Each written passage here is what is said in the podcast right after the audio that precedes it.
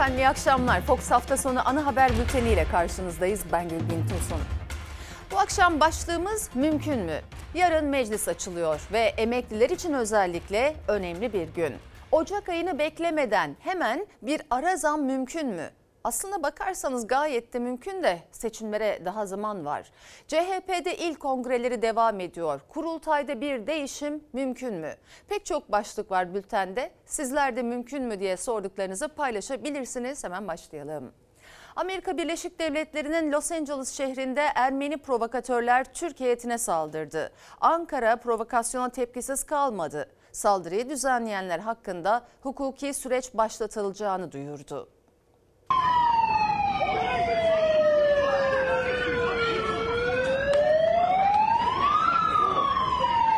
Amerika Birleşik Devletleri'nde tam bir skandal yaşandı. Ermeni provokatörler Türkiye heyetine saldırdı.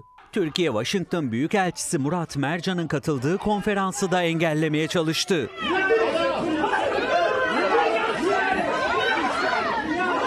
Azerbaycan Dağlık Karabağ'da düzenlediği operasyonun ardından bölgede kontrolü ele geçirdi. Bölgede yaşayan Ermeni halkı göç etmeye başladı. Türkiye'nin Azerbaycan'a verdiği destek Ermenileri rahatsız etti. Washington Büyükelçisi Murat Mercan bir üniversitede düzenlenen konferansa katılıyordu. Etkinliğin başında Ermeni bir gösterici sözlü saldırıda bulununca polis tarafından salondan çıkartıldı.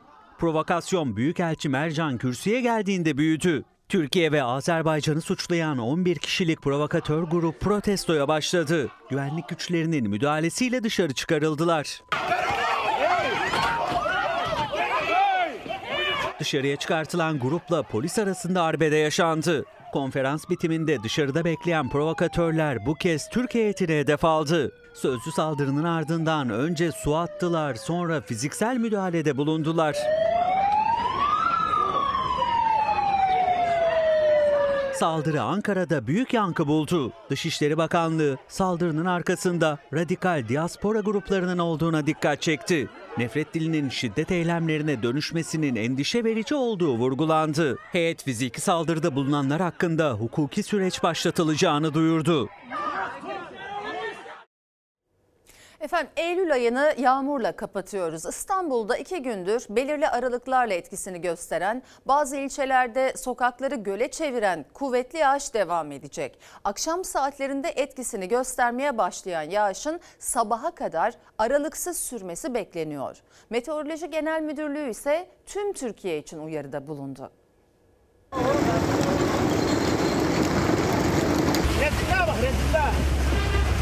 Evet şu anda göl içerisinde her yer. Yavaş yavaş. yavaş. Hem Meteoroloji Genel Müdürlüğü hem de AKOM uyarmıştı. Beklenen yağış İstanbul'da başladı. İstanbul Büyükşehir Belediyesi Afet Koordinasyon Merkezi sel ve dere taşmasına karşı dikkatli olunması gerektiği yönünde uyardı. Bazı bölgelere 100 kilogram yağış düşmesi bekleniyor. Meteoroloji ise Türkiye'nin tüm bölgeleri için yağış uyarısı yaptı. Daha komple yeni tadilat yaptırdım. Yaklaşık 300 milyar yakın masraf yaptım. Bak yine aynı şekilde yine oluyor. Araçlar suyun içinde mahsur kalıyor. Fayaz 4 yol E5 kararını kullanan arkadaşlar dikkatli etsinler çünkü gerçekten e, şiddetli yağış yolu göle çevirmiş. Depremin yaralarını sarmaya çalışan Hatay'da yağış nedeniyle yollar suyla kaplandı. Tekirdağ'da sadece 10 dakikalık kuvvetli yağış sokakları göle çevirdi. Düzce'de alt geçitler suyla doldu. Yozgat'ta da rögarlar taştı. Birçok kişi yollarda mahsur kaldı. Türkiye'nin en doğusundan en batısına yağmur etkisini göstermeye devam ediyor. Yozgat şu an Şemsan sitesinin önündeyiz. Evimize gidemiyoruz. Yollar tamamıyla doldu. Rezillik. Yapraklar mazgalar tıkamasından dolayı mazgalar tıkandı ve sel oluştu. Araçlar yolda kaldı. Hatay'dan geliyoruz Yozgat'a öğrenci getirdik. Kızımı getirdim. Ben de Ankara'ya geçecektim. Sağnak başkent Ankara'da da etkili oldu. Çubuk ve Mamak ilçelerinde yollar suyla kaplandı. Sürücüler trafikte zor anlar yaşadı. Çevre Şehircilik ve İklim Değişikliği Bakanı Mehmet Özaseki de sosyal medya hesabından uyarıda bulundu. Yoğun yağışla birlikte olumsuz bir durumla karşılaşmamak için hava tahmin raporlarına ve uyarılara uyulması gerektiğinin altını çizdi. Pazar günü de benzer şekilde ülkemizin büyük bir bölümünde yağışlar e, görülecek. E, Marmara'nın batısı ile Şanlıurfa dışında ülke genelinde yağışlar var. Bu hafta yağışlı diyebiliriz önümüzdeki hafta ortasına kadar. AFAD 1 Ekim pazar günü için 4 ilde turuncu, 44 ilde sarı alarm verildiğini açıkladı. Turuncu uyarı verilen iller Samsun, Adana, Hatay ve Osmaniye. Meteoroloji Genel Müdürlüğü neredeyse tüm Türkiye için uyarıda bulundu. Pazar, pazartesi ve salı günü kuvvetli yağışların etkisini göstermeye devam edeceğini açıkladı.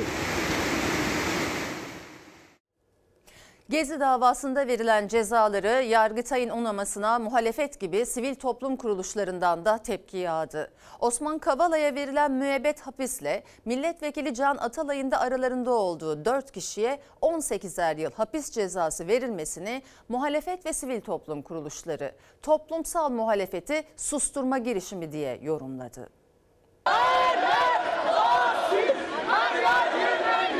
Sanmayın ki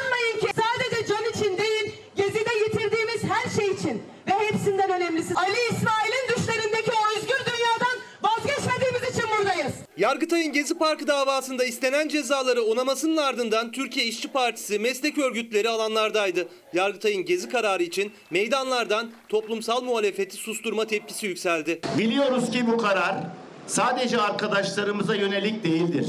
Milyonlarca insanın demokratik hak kullanımlarını cezalandırmaya, barışçıl ve demokratik taleplerini bastırmaya yöneliktir. Bu karar toplumsal muhalefeti susturmaya yönelik bir gözdağıdır. Yargıtay'ın onama kararı hukuk ilkelerine ve insan hayatına değer vermeyen bir anlayışın ürünüdür. Bu karar delil olmadan insanları mahkum etmenin yargıda norm haline geldiğinin en çarpıcı göstergesi olmuştur. Gezi davasında ağırlaştırılmış müebbet hapis cezası onanan Osman Kavala karara ilişkin hiçbir delil yok açıklaması yaptı. Kavala'nın cezasını Yargıtay 3. Dairesi hükümeti ortadan kaldırmaya teşebbüs etme suçundan onadı. Kimse Gezi'yi darbeyle, darbecilikle suçlayamaz. Eğer bugün 5 kişiyi 4 kişi hapiste tutarak bu işin üstesinden gelecekler, demokratik taleplerini sunanları susturacaklarını sanıyorlarsa aldanıyorlar. Hepimiz içeri almaları gerekir. Gezide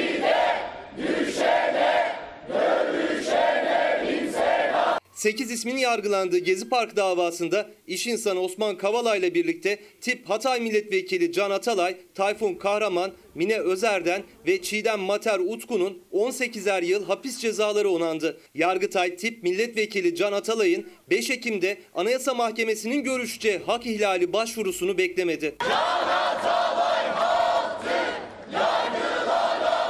O meclise 599 milletvekiliyle açacaklar. Ve meclisi bir eksikle açacak olanlar Hatay'da, Maraş'ta, Malatya'da on binlerce insan ölüme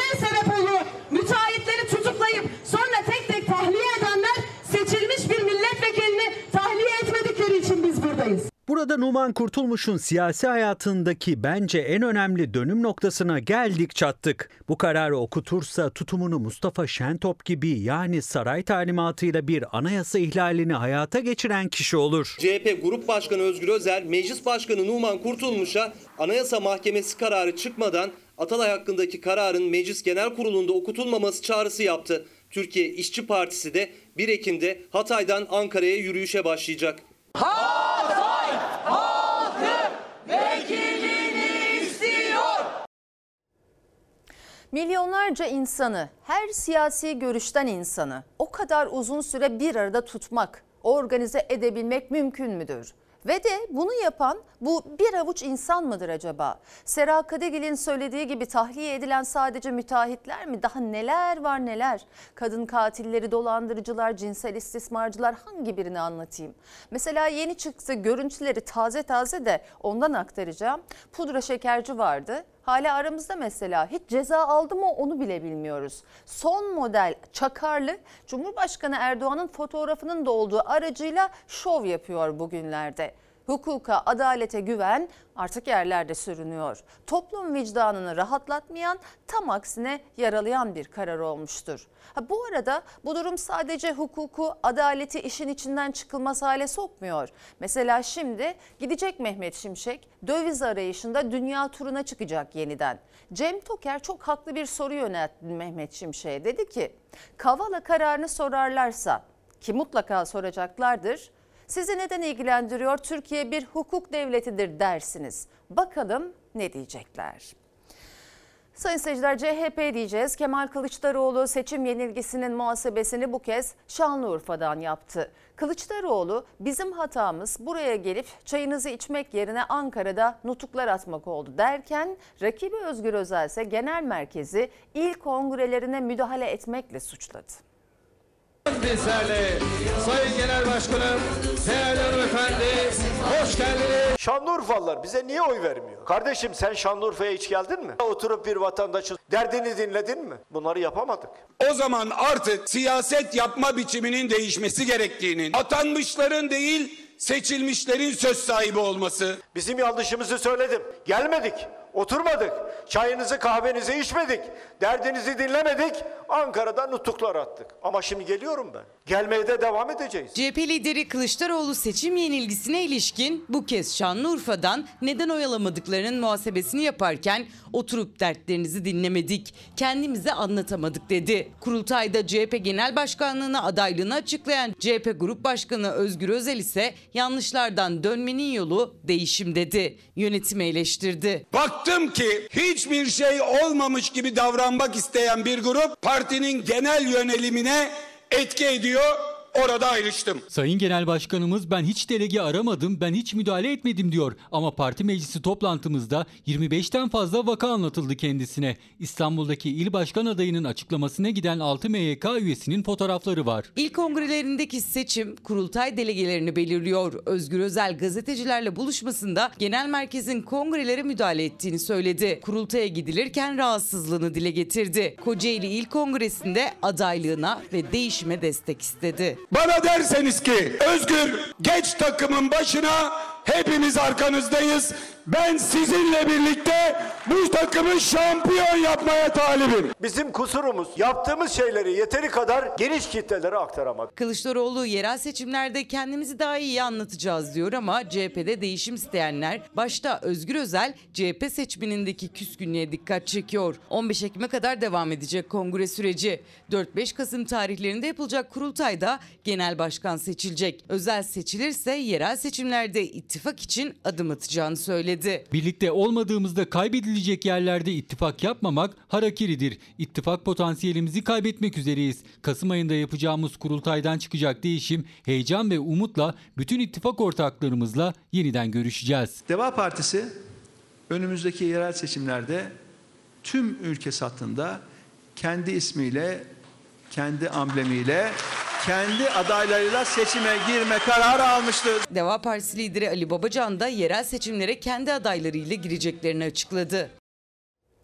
Ve ekonomi gündemine bakalım. Enflasyonla mücadele, hayat pahalılığı, daralan ekonomi. Seçimlerden sonra rasyonel politikalara dönen ekonomi yönetimi üst üste dört kez faiz artırdı. Muhalefete göre geçmişte yapılan yanlışların bıraktığı hasar o kadar büyük ki faiz artırımı da çözüm olmayacak.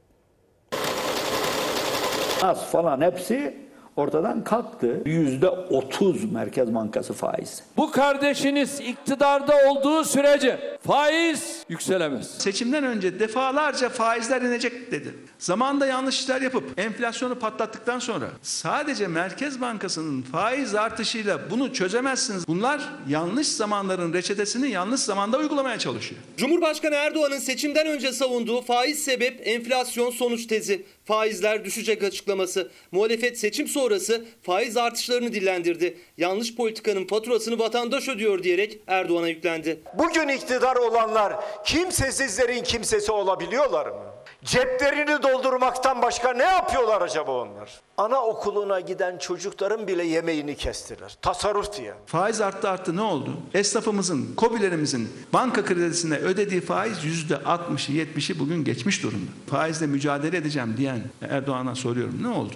Üretimimizi ve ihracatımızı rekor seviyelerde büyüterek rekabet gücümüzü artırdık. Ekonomi büyüyor. Nasıl büyüyor ya? Asgari ücrette artış yapma kaldıramayız bunu diyor.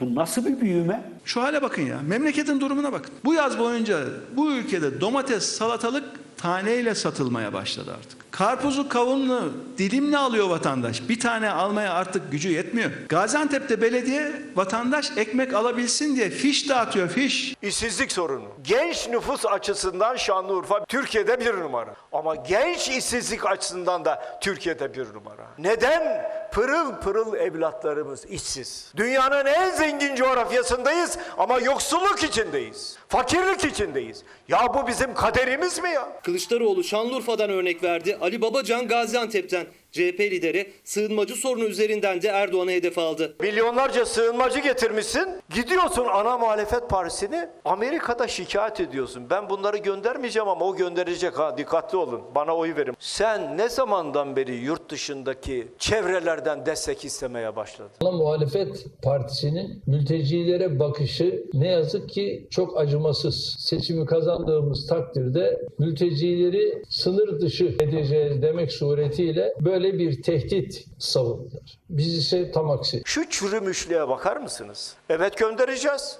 Onlar da insan. Senin ne işin vardı Orta Doğu bataklığında? Kılıçdaroğlu bir kez daha sığınmacıları göndereceğiz dedi. Ekonomi de, sığınmacılar sorunu da siyasetin sıcak başlığı. Meclis yarın açılıyor. Açılmasını en çok bekleyen de emekliler. Çünkü Çalışma Bakanı Vedat Işıkhan meclis açılır açılmaz demişti. 7500 lira maaşla yaşamaya çalışan emekliler en düşük maaşın 20 bin liraya yükseltilmesini istiyor. Maaşım 9800 lira. Ee, emekli aldığım banka beni icraya verdi. Dörtte birini kesiyor zaten. Açıksızlık 13 bin küsur açıklandı. Benim elime geçen 7300 lira. Bizim yapacak hiçbir şeyimiz kalmadı. Emekli bir nüfus müdürüyüm. Halen ben 10 milyar para alıyorum. Ocakta geç olur. Ocağa kadar zor geçiniriz biz. Emeklilerin gözü kulağı mecliste. Emekli maaşlarında yapılması beklenen düzenlemede. Ocak ayı gelmeden maaşlara bir düzenleme bekliyor emekliler. Tüm Emekliler Sendikası da emekli maaşının en az 20 bin lira olması gerekir dedi. En azından bu koşullarda 20 binin üzerine bir ücret verilmelidir. Kök maaşlara bir zam gelmeli. En düşük emekli maaşı 15 lira civarında olması lazım. Ya da asgari ücrete eşitlenmeli. İki ay sonra kombiler, kaloriferler yanmaya başlayacak. Ne olacak bilmiyorum. Vermeyecekler, vermeyecekler. Verirlerse yerel seçimlere kandırmak için verirler. Emekler ihsan haline geldi. Gerçekten artık dayanamıyoruz. Açlık sınırı 14 milyonu aşmış durumda. Yoksulluk sınıra geldiğimizde 45-50 bin liraya yaklaşıyor. Türk İş'in verilerine göre 4 kişilik bir ailenin sadece gıdaya harcaması gereken para yani en düşük emeklinin aldığı maaş 7500 liradan 5834 lira daha fazla. Yoksulluk sınırı ise 43 binin üzerinde. Milyonlarca emekli değil geçinmek açlıkla mücadele ediyoruz diyor. Markası belli olmayan margarin alıyoruz. Tavuk sucuğu diyorlar. Onun içinde ne olduğu belli değil. En ucuz pirinci almak zorunda kalıyoruz. Tüp olmuş 500-550 lira. Cumhurbaşkanı talimat çalışıyoruz. Ekim'de, Ekim'de. Bunu da Ekim'de meclis açılıyor inşallah telafi edeceğiz. İktidarda, ortağı MHP'de emeklinin yükselen feryadına meclis açılınca yanıtını verdi. Aldıkları para gün gün eriyip giden emekliler de gözünü artık 1 Ekim'de açılacak meclise çevirdi. Güzel bir haber bekliyoruz Cumhurbaşkanımızdan. Benzin 30 lira 40 lira olduysa emeklinin maaşı da 45 lira olması lazım. En kötü ev 2 milyarken 15 milyar 20 milyar. Bakıyorsunuz Avrupa'daki emeklilere ya adam benim ülkemde ayakları ısmadaki yer yoktur.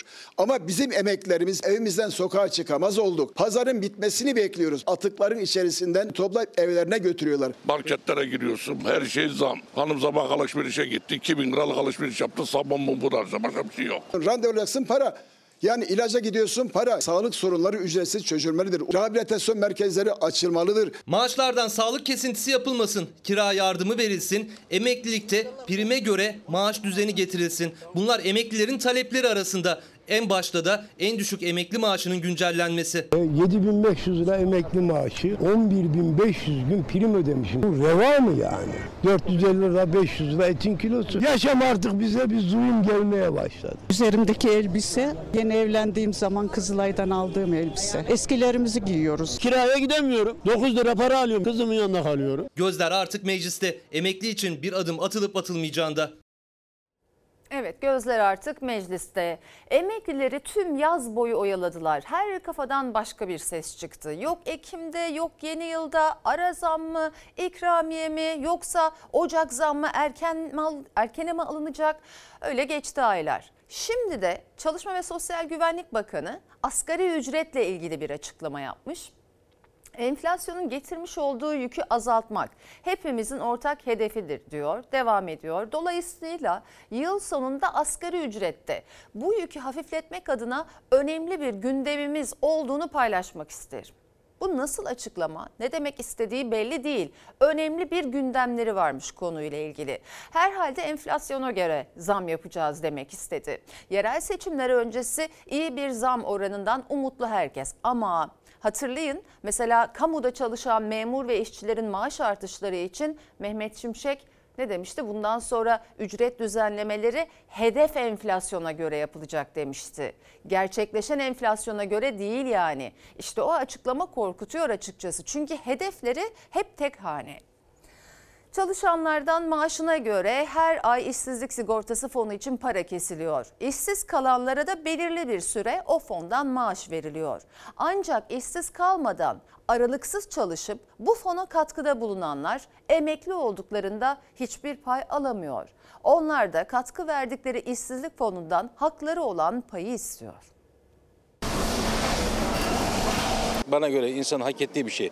Benim maaşımdan bir fona para gidiyorsa mantık olarak verilmesi lazım. Yıllarca fona para ödeyip daha sonra bu fondan hiç yararlanmadan emekli olan kişilere de en az ödediği rakamın %10 olur, %15 olur, %20, %25 gibi bir rakamının da bu durumda olan kişilere emeklilik esnasında ödenmesi gerekiyor diye çok da talep var. Tabii almalıyız çünkü bizim paramız hep devamlı kesiliyorsa alınması lazım. Yazık insanlar ne zorluklarla yaşamaya çalışıyorlar. İşsiz kalmadan yıllarca çalışıp işsizlik sigortası fonuna ödeme yapanlar emekli olduklarında o fondan pay talep ediyor. Çünkü o fon çalışanların maaşından kesilen paralarla doluyor. Çalışarak biz katkıda bulunmuş olduk. Bir kısmının verilmesinin gerektiğini düşünüyorum. İşsizlik fonu için her çalışandan maaşına göre kesinti yapılıyor. İşsiz kaldığında 6 ayla 10 ay arasında işsizlik ödeneğiyle yaşamlarını sürdürebilsinler diye. En düşük 5365 lira,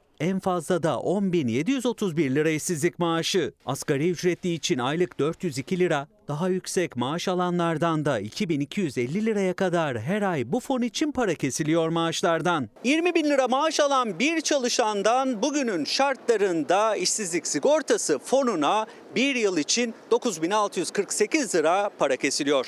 Bu çalışanın 25 yıl aralıksız çalıştığında fona katkısı toplamda 241 bin lira. Eğer bu çalışan emekli olduğunda fondaki paranın %20'sini alsa bile bu 48 bin lira yapıyor. Düzenli çalışmış, hatta düzenli çalışan bir insan için daha düzgün bir ödemelerinin yapılması lazım değil mi? Bizden alıyorlar devletin bir eks, bir ödemesi değil ki işveren veriyor, çalışanın parasından oraya kesiliyor. İşsizlik sigortası fonuna ödediğim katkının bir kısmı emekli olduğumda tarafıma ödenmelidir diye düşünenlerin sayısı da bir hayli fazla. Konuyla ilgili davalar da açıldı Türkiye'de ancak bu davalar kazanılmadı, kaybedildi. Sosyal güvenlik uzmanı Özgür Erdursun'a göre fona katkı verenlerin haklı talebine yetkililerin kulak vermesi gerekiyor. Özellikle de gittikçe zorlaşan yaşam koşullarında. Bir fon var ama emekli olan da bundan yararlanamıyor yani açıkçası. Çocuğum üniversiteye başlayacak en azından onu düşünmem rahat ederim. Ki çocuğuma verdim. Kaç para emekli maaşı alıyorsun? 7500.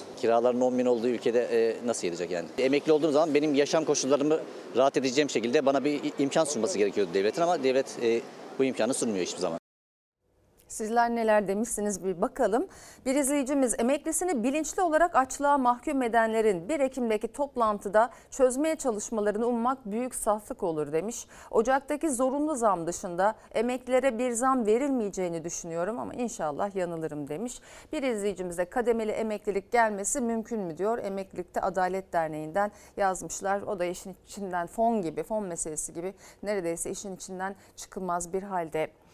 Sayın seyirciler Türkiye sabaha Amasya'dan gelen kaza haberiyle uyandı. İzmir'den Tokat'a giden yolcu otobüsü yoldan çıkarak tarlaya devrildi. 6 yolcunun hayatını kaybettiği kazayla ilgili soruşturma başlatıldı.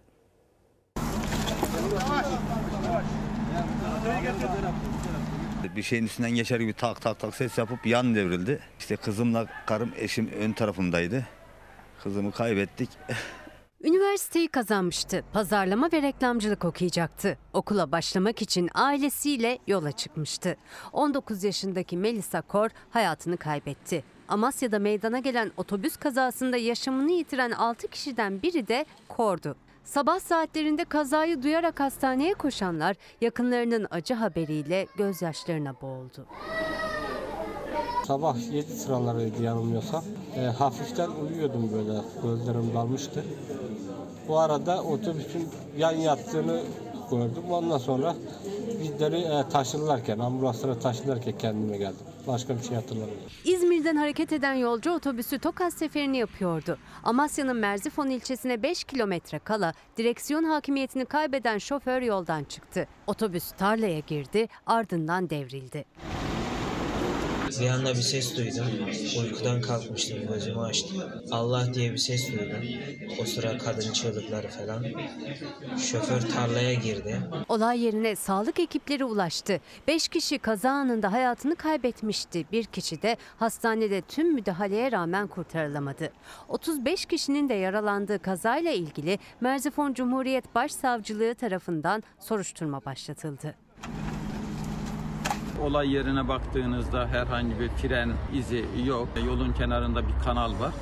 O kanala e, çarpması sonucu otobüsün yan yatmasını değerlendiriyoruz. Allah rahmet eylesin. Başımız sağ olsun. Altı vatandaşımızı kaybettik. İçinde genç kardeşlerimiz var, öğrencilerimiz var.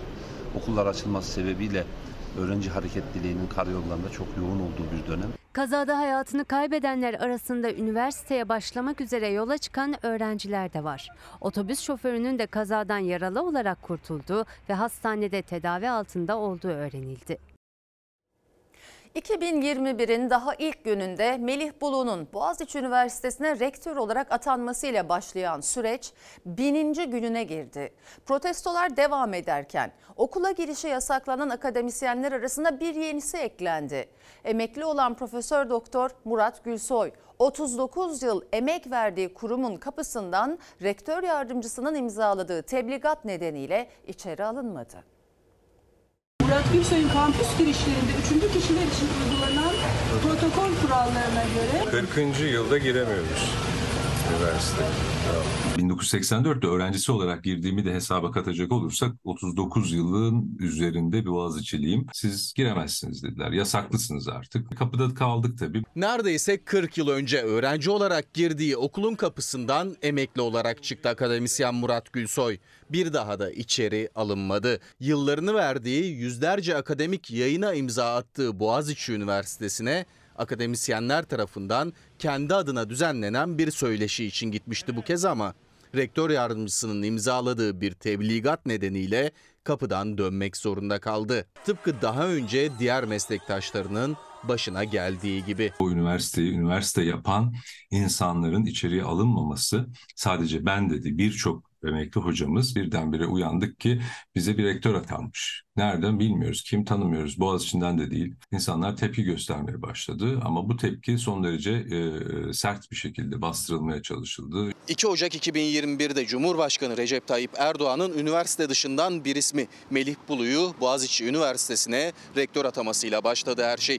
Bin gündür ne öğrencilerin tutumu değişti ne de akademisyenlerin. Önce Melih Bulu atandı üniversite rektörlüğüne. Üstünden tam bin gün geçti. Köklü Üniversite'nin şimdiki rektörü de Bulu'nun ardından yine Cumhurbaşkanı tarafından atanan Naci İnci. Atamalar hem öğrenciler hem de akademisyenler tarafından defalarca kez protesto edildi. Öğrenciler ve öğretim görevlileri polisle karşı karşıya geldi. En e, e, senior deneyimli hocalarını içeri almayan, mezunlarını içeri almayan, araştırma merkezlerini yerlerinden eden bir üniversite hangi sıralamada yükselebilir ki? Yani birçok bölümden hocalar başka üniversitelere gidiyorlar. Akademisyenler rektörlük binasına sırtlarını dönerek sürdürüyor eylemlerini. 999. günde de tıpkı Murat Gülsoy gibi okula alınmayan akademisyenlerin cübbeleri, isimleriyle ve ellerinde pankartlarıyla yine üniversite bahçesindeydiler. Bin kere söyledik diyerek tekrar hatırlattılar isteklerini. Sen de gideceksin. Naci bir gecede Naci. Yağmur, çamur, kar, kış demeden protestolarını sürdüren akademisyenler dışarıdan atamalar ve üniversitedeki yapısal değişiklikler sona erene kadar eylemlerini sürdürmeye kararlılar. Seçilmiş insanları görevlerden alıp, liyakatli insanları görevlerden alıp bunu dışarıdan e, insanlar getirdiğiniz zaman artık orası eski işlerliğini sürdürmesi güçleşir. Bin gün dile kolay. Hocalarımızı hem hak aramak için ama daha çok karanlık zihniyetlere karşı aydınlık günler için verdikleri bu inanılmaz irade ve kararlılıkları nedeniyle takdir etmemek mümkün değil. Ve çok ciddi söylüyorum. Ben umudumu kaybettiğim zamanlarda onların yağmur, çamur, çamur, kış demeden ayakta dimdik durarak yaptıkları o eylemleriyle bana bile güç aşıladılar. Profesör Doktor Murat Gülsoy'a gelince bir gerekçe, gerekçe de kampüste huzuru bozmakmış. Böylesine bir cesaretten korkuyor yönetim demek ki. Tek üzüntüm atanması bu köklü kuruma uygun olmayan rektör ve onun şimdiye kadar göz bebeğimiz Boğaziçi'ne verdiği ve daha da verebileceği zararlar. 2 Ekim'de birçok üniversitede ders yılı başlıyor. Daha akademik yıl başlamadan okullarda yemek ücretlerine zam geldi. Zam oranları %200'leri buldu. Birçok üniversitede öğrencilerin yemek zamlarına karşı tepkisi büyüyor. %175 zam geri çekilsin. Ucuz yemek hakkımız. Söke söke alırız. Ben devlette okuyorum. 5 liraydı 15 lira olmuş bu sene. Daha başlamadı. Haftaya başlayacak okul. Arttı yani bayağı yemek ücretleri. Öğrenci için pahalı yani. Daha yeni eğitim yılı başlamadan üniversitelerdeki yemek ücretlerine %200'e varan oranda zam geldi. Anadolu Üniversitesi'nde geçen yıl 5 lira olan bir öğün yemek bir ay içerisinde önce 9 liraya daha sonra 15 liraya çıktı. 9 Eylül Üniversitesi'nde 5 lira 80 kuruştan 17 liraya, Muğla Sıtkı Koçman Üniversitesi'nde 4 liradan 11 liraya yükseldi. Ege Üniversitesi ise önce 6,5 liradan 20 liraya yükseltti öğün ücretini. Gelen tepkiler üzerine ise 15 liraya düşürdü. Öğrenciler birçok üniversitede artan yemek fiyatlarına tepki gösterdi. Zaten okulumuzda öğrenciye iki öğün yemek yeme hakkı tanınmıyor. Öğlen yersek akşam yemeğine 50-60 lira ödeyeceğiz. Akşam yersek öğlen aç kalacağız. Siz okulda yiyor musunuz? Her gün yiyorum. Bir öğün veriyorlar. Ben genelde öğlen saatinde yiyorum. Bir öğrenci sadece tek öğününü okulda yediğinde aylık 300 lira para vermesi gerekiyor ama sadece tek öğünle kalmıyor. Geri kalan iki öğün, yurt parası, yol parası derken aldığı 1250 liralık burs yetmiyor. Bu yüzden birçok öğrenci okulla beraber çalışmak zorunda kalıyor. Yazın çalışarak her şeyimi çıkartmaya çalışıyorum. Bu yazın da öyle oldu mesela. Daha iki hafta önce falan işi bıraktım. Çoğu arkadaşım çalışıyor benim yani vardiyalı bir şekilde. Devlet yurdunda kalıyorum. Yurt aylık 570 TL. Çalışmadan yaşayamaz İstanbul'da. Öğrenci yaşayamaz. Yemeğe ve barınmaya gidiyor diyebilirim. Eğlence pek o kadar kalmıyor. Birçok üniversitede okulda tek öğün yiyebilen öğrenci diğer iki öğünü dışarıdan almak zorunda. O da çok pahalı. Yemek, barınma ve yol parası dışındaki aktivitelere para ayıramıyor üniversite öğrencisi. 1250 lira bunun e, 400 küsür lirası zaten yurt ücretine gidiyor. Bir öğün örnek veriyorum üniversitede yemek yemek istesen yine bir 400 de oraya harcıyorsun. Ondan sonrasında geriye de kalanla da ne yapabilirsen yapabilirsin işte. Aktivite yaparken bir konsere giderken mesela düş 10 defa düşünmemek isterdim böyle. Gidebiliyor musunuz peki? Yok hayır maalesef nasıl gidelim bu yani ekonomide bu fiyatlarla mümkün değil. Hepimiz zorlanıyoruz. Bu sene muhtemelen kendim hazırlayıp götürme gibi bir fikrim var. Öğrenci zorlanıyor. KYK burslarının artırılmasını en azından yemek zammının KYK burslarına yapılan zamla eş zamanlı olmasını istiyor. 1250 TL yani şu an para değil günümüzde. Olması gereken fiyat şu an 2000 TL civarı falan. Tip 1 diyabetli çocuklar ve aileleri 15 ay önce verilen sözün tutulması için Cumhurbaşkanı'na çağrıda bulundular. Şeker ölçümü için kullanılan sensörlü cihazın SGK'nın ödeme listesine alınmasını istediler. Yıllık maliyete 43 bin lirayı bulan cihaz ücretsiz verilirse vücutlarına her gün iğne batırmak zorunda kalan çocukların canı yanmayacak.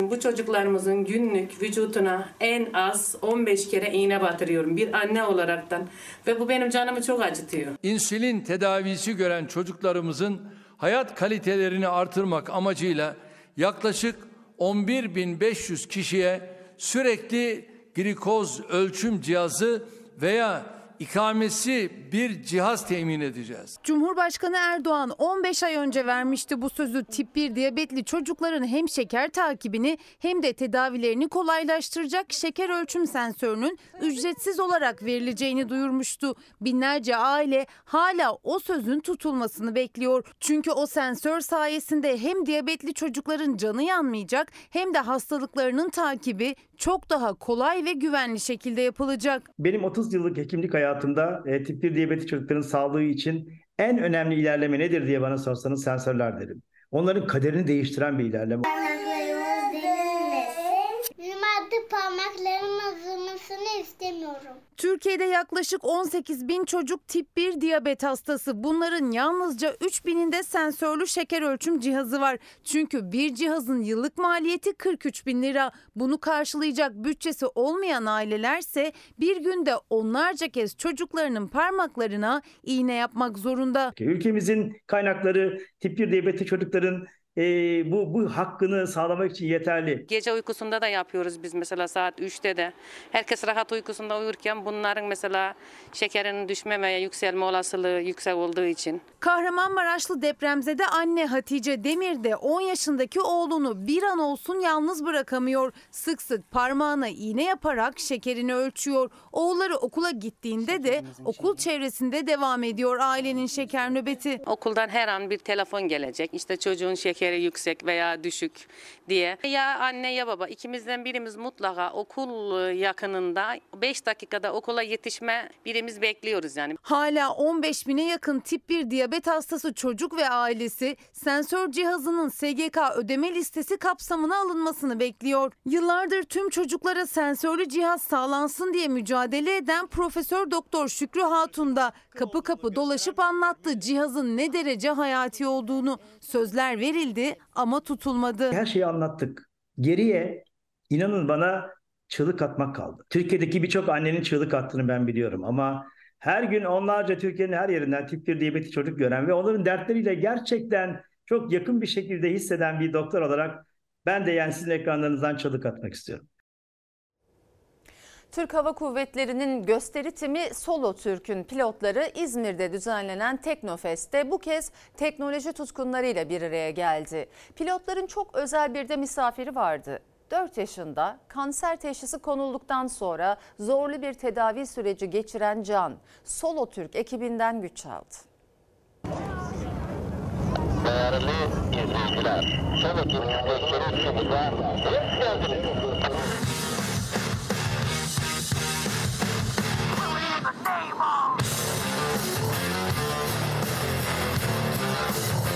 Şimdi sana buradan şöyle yapalım mı? Canına. Sevgiler. Hayranı olduğu ekiple buluştu. Kahraman pilotlardan moral ve güç aldı. Kanserle mücadele eden Iğdırlı Can çok sevdiği solo Türk pilotlarıyla bir araya geldi. Ne yapacaksın?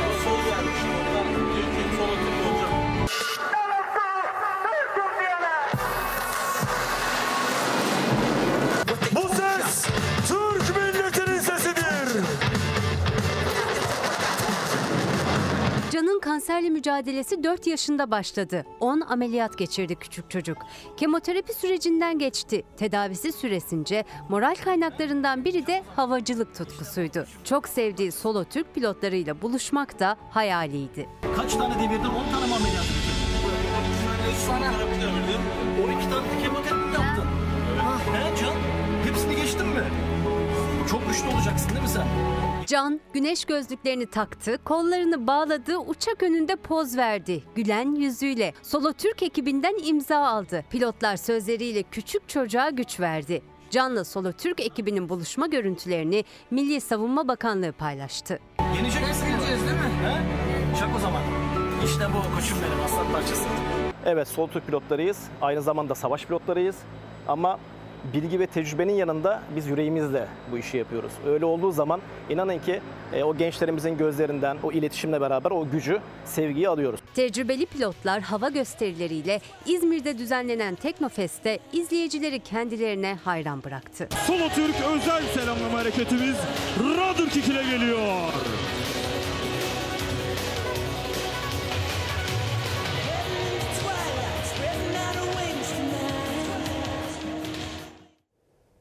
Amerika Birleşik Devletleri'nin New York şehrinde etkili olan şiddetli yağış sonrası olağanüstü hal ilan edildi.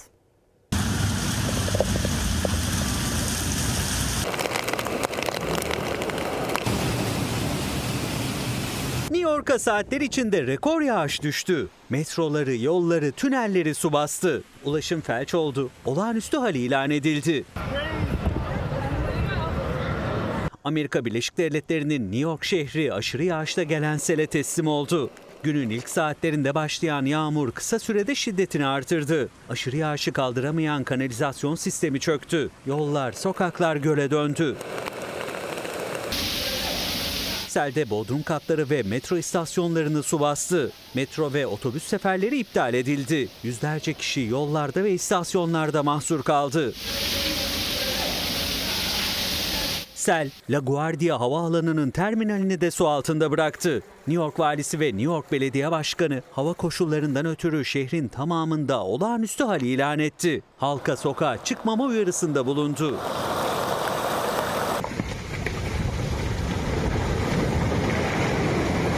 Şiddetli yağışın yaşandığı bir diğer ülke Çin oldu. Yağış toprak kaymalarını beraberinde getirdi. Sichuan eyaletindeki dağlık yolda giden pikap sürücüsü düşen taşları fark edince durdu. Çok geçmeden toprak kayması başladı.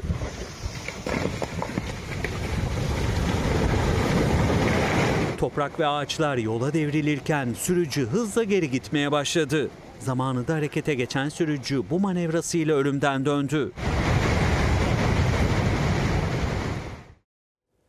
İstanbullular bugün Gaziantep lezzetlerinin tadına baktı. Bu yıl 9.sı düzenlenen Gaziantep Tanıtım Günleri Yenikapı'da başladı. Kırkat yufkamızı açarız, fıstıkları da yayarız, baklavalar yaparız. Hey hey. Sever misiniz Gaziantep? Ee, hiç bilmiyorum. Nerelisiniz? Ben Uşaklıyım. Yozgatlıyım ben. Antep mutfağını seviyorum. Abi masayı yıkacaksınız ya. Altın bulan gelsin. Gaziantep mutfağının dünyada nam salan eşsiz lezzetleri 200'den fazla çeşidiyle İstanbul'da. Dumanıyla birlikte kokusu yayıldı. O kokuyu alan lezzetlerin sergilendiği tezgahlara koştu. Kimi doyasıya yedi, kimi de fiyatlara baka baka geçip gitti. Yemedik de kızlar var e, görevli. Onların sundukları şeydik tattık. Ama baklava ikramı yok yalnız. Pahalı olduğu için herhalde. Ne kadar lahmacun? 65 lira. Biraz fazla ama aynı evet. Yani İstanbul'da da düzgün bir yerde bir lahmacun 100 lira. Nohut dürüm yedim. Eşim katmer yedi. Katmere 300 TL. Nohut dürüm 80 TL. Dışarıda da yeseniz aynı fiyata denk geliyor hemen hemen. Baklava sever misiniz? Severim ama çok pahalı. 700 lira. Bir lahmacun 70 lira. Çiğ köfte 100, 200 lira diyeyim. Emekliyim Allah korusun. De... Allah korusun mu dediniz? Ne yapayım? Yok yetmiyor, yetmiyor. Yok yok. Hiçbir şeyin tadına bakamadınız mı? Valla bakamadım. Hepsi çok pahalı. Bir parça döner 200 lira diyorlar. Özellikle emekli lezzetinden önce fiyatlara baktı. Tıpkı pazarda markette gördüğü fiyatlar gibi pahalı buldu ve yine isyan etti. Yumurtanın kilosu 150 lira, tereyağın kilosu 300 lira, yoğurdun kilosu 70 lira, sütün kilosu 40 lira. Ne alacağım? Bir lahmacun 70 lira. Patatesin kilosu 20 lira, soğanın kilosu 20 lira. Onun için geldim ama hiçbir şey alamadım. Yemedim alamadım. Girdemeden başka çare yok. Ya başka bir şey yok. Yok yok yok. Lezzet Festivali'nde bir de yarışma vardı. İki altın birleşti. Biri Antep'in baklavası, diğeri gram altın. Değerli misafirlerimiz bir açılalım. Altın olanlar gelsinler. Diğerleri gelsin. Hem doya doya baklava yiyecek hem de misafirlerimiz? altının sahibi Ah, olacak. zaten. Tabii bu durumda bir de izdiham yaşandı. Baklava yalan biraz çekilebilir. Evet. Evet. Bulamadık. Boş verdik. E, bu da altın. Altın. Gaziantep'liler baklavaya niye altın diyor? Eskiden renginden dolayı şimdi fiyatından dolayı. Boş çıktı, boş. Tebrik ediyoruz. Altın yok. Bir, Önce bunu mu yiyelim? bir tane evet o da yarışmada verdiler. Altın çıkar diye yedim çıkmadı boş. Fiyatlar çok yüksek ama satın alamıyoruz oradan. 500 liradan başlıyor. Altını bozdurup baklava alacaktım çıkmadı. İstanbul Yenikapı'da bu yıl 9.sü düzenlenen Gaziantep Tanıtım Günleri 1 Ekim pazar akşamına kadar sürecek. Neyin faturasını ödedik ve bu macerayı neden yaşadık? O manşet Acaba yalanlamam mı gelir? Bir yerlerden net bir talimat gittiğini düşünmeye başladım. Böyle şey mi olur yani resmen taşıma suyuyla değirmen döndürüyoruz demiş. Nankörlük ediyor. Ben yine ortadan konuşacağım. Özlem bitiyor. Havalar soğuyup siyaset ısınırken orta sayfada yeni sezonda ekranlara dönüyor. Çok önemli konularımız var. Birbirinden özel kulislerimiz, birbirinden özel bilgilerle dop doluyuz. Yerel seçim, ittifaklar, adaylar sadece siyaset değil. Halkı bekleyen zor bir ekonomik dönem. Geçmişin izini silerken yüklenen, yüklenecek yeni vergiler ve 21 yıllık iktidarın kendi geçmişiyle hesaplaşması. Tüm bu konuların perde arkası ve hiçbir yerde konuşulmayan detayları bu sezonda orta sayfada olacak. Merkez faiz arttırımına gitmekten korkmayan bir merkez bankası. Bu para ne karşılığında arkadaş? Karşı tarafta o özgüveni verirsen onun oyunu alma ihtimalin var. Tabandan gelen artık böyle bir basınç var. Yönetici kadro ne kadar baskılayabilecek? Doğan Şentürk moderatörlüğünde gazeteciler Murat Yetkin, Çiğdem Toker, Nevşin Mengü ve Deniz Zeyrek orta sayfada yine gündemi belirleyecek. Cuma günlerinin alışkanlığı olmayı sürdürecek. Bu başarı tesadüf değil. Türkiye'nin en çok izlenen tartışma programı orta sayfada Türkiye'nin en güvenilir gazetecileri var çünkü. Ülke yeniden seçime giderken en doğru kulis bilgileri, en net analizlerle orta sayfa 3. sezona hazır. Orta sayfa 6 Ekim Cuma başlıyor. Şimdi ara Efendim. Fox hafta sonu ana haber bültenini burada noktalıyoruz. Fox'ta yayın yeni dizimizle devam edecek Kader Bağları. Kader şey. Bağları'nda yolları bir üzüm bağında kesişen iki gencin tutkulu, deli dolu aşkları anlatılıyor. Kaçırmamanızı tavsiye ediyorum. İyi bir akşam geçirmeniz dileğiyle. Hoşçakalın. benim memleketim Lay lay lay lay lay lay la la la lay lay la la lay la la la la la.